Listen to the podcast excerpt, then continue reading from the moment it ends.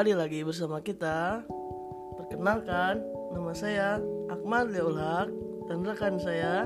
Elvira Rosalia Lawono, Kami adalah mahasiswa dari Universitas Muhammadiyah Yogyakarta, program studi Ilmu Komunikasi tahun angkatan 2019. Kali ini kami akan menjelaskan tentang Teknologi Penyiaran. Sebelumnya, teman-teman udah pada tahu belum sih apa penyiaran itu sendiri? Penyiaran adalah suatu kegiatan pemancar luasan siaran melalui sarana pemancaran dengan menggunakan spektrum radio atau sinyal radio yang berbentuk gelombang elektromagnetik yang merambat melalui udara, kabel, dan atau media lainnya untuk dapat diterima secara serentak atau bersa atau bersamaan oleh masyarakat dengan perangkat penerima siaran. Nah, itu teman-teman pengertian dari penyiaran sendiri. Sebelumnya, kalian tahu nggak sih apa sejarahnya tentang penyiaran penyiaran tersebut?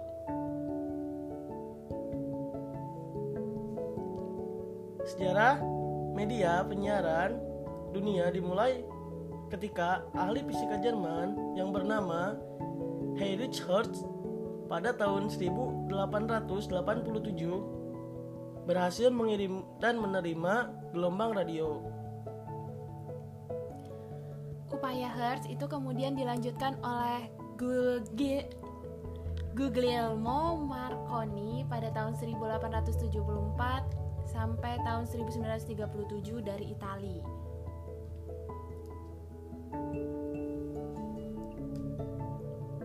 Sedangkan sejarah penyiaran di Indonesia dimulai pada tahun 1925.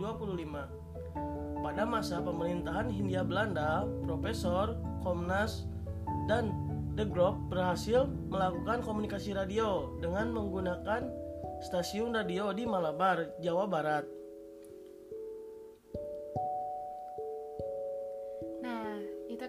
Ada sejarahnya sama pengertiannya. Sekarang radio itu eh, penyiaran itu tuh ada syaratnya tuh. Yang pertama itu harus ada spektrum frekuensi radio. Spektrum frekuensi radio sendiri itu kumpulan pita frekuensi radio yang berbentuk gelombang elektromagnetik serta memiliki lebar tertentu.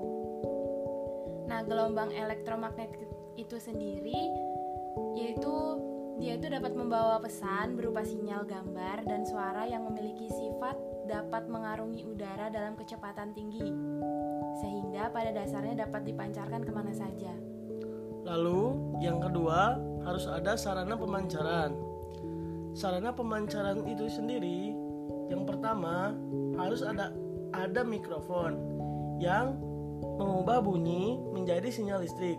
Yang kedua, ada rangkaian pemancar yang mengubah sinyal listrik menjadi gelombang elektromagnetik. Lalu, yang ketiga, ada antena yang memancarkan gelombang elektromagnetik sehingga dapat merambat ke tempat yang jauh. Nah, selanjutnya syarat yang selanjutnya itu penerima. Jadi harus ada penerimanya. Penerimanya itu bisa melalui radio, bisa melalui televisi. Yang keempat itu harus ada program acara dan dapat diterima secara serentak. Nah, selanjutnya adalah standar penyiaran. National Television Standard Committee yang digunakan oleh Amerika, oleh Amerika Serikat, Kanada, Jepang, Korea, dan Meksiko. Selanjutnya itu ada PAL. PAL itu fase alternating by line digunakan di sebagian Asia termasuk di Indonesia. Jadi di Indonesia itu pakai PAL. Selain itu juga ada Cina, Amerika Selatan dan sebagian Eropa yang menggunakannya. Lalu yang ketiga ada SICAM, Sequential Color Effect Memory, digunakan di negara Prancis, Asia Tengah, dan di Afrika. Mungkin cukup sekian podcast dari kami. Kurang lebihnya kami mohon maaf. Mungkin kita bisa bertemu di episode-episode selanjutnya. Salam dari kami. Bye bye.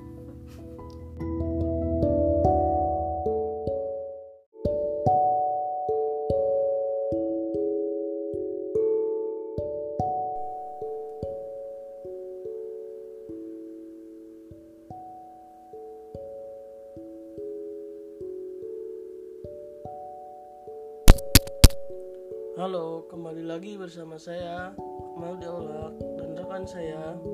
Elvira Rosalia Lawono, Kami adalah mahasiswa Universitas Muhammadiyah Yogyakarta. Prodi Ilmu Komunikasi tahun 2019. Kali ini kami akan membahas tentang karakteristik radio dan karakteristik televisi.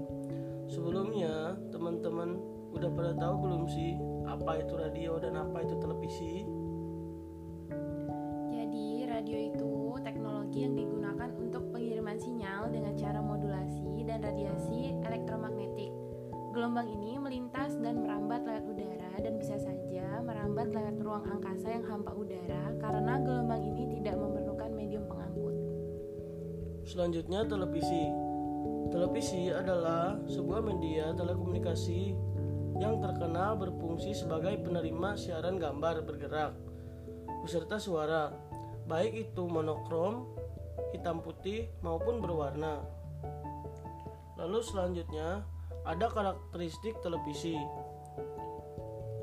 Karakteristik televisi yang pertama yaitu kesan realistik, yaitu audio visual.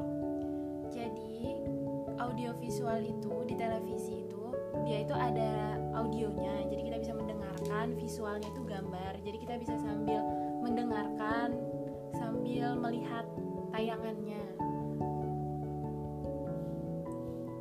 Lalu karakter karakteristik radio. Yang pertama ada ketajaman penetrasi, yaitu memiliki sinyal kuat, mencakup pendengaran yang banyak. Transmisi tidak terbatas, imajinatif dengan suara manusia, musik dan sound effect.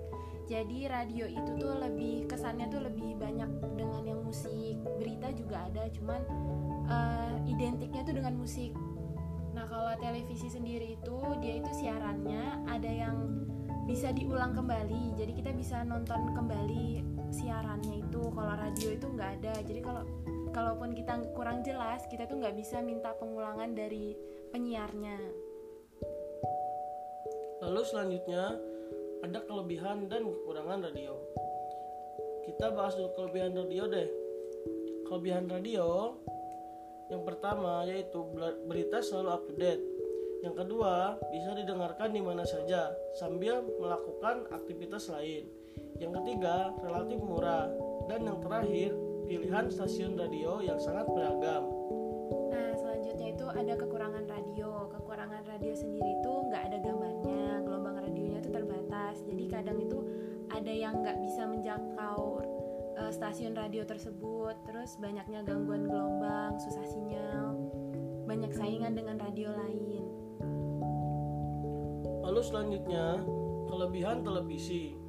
Yang pertama yaitu audio visual telah tadi teman saya bahas. Lalu yang kedua, masyarakat lebih tanggap yaitu lebih bisa menonton dengan suasana yang santai. Lalu yang ketiga, adanya repetasi yaitu pengulangan jika ada.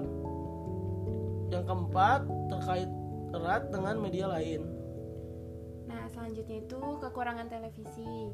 Kekurangannya itu jangkauan pemirsa tuh massal sehingga pemilahan untuk kepentingan pendidikan bangsa pasar tersebut sering su- sering sulit dilakukan.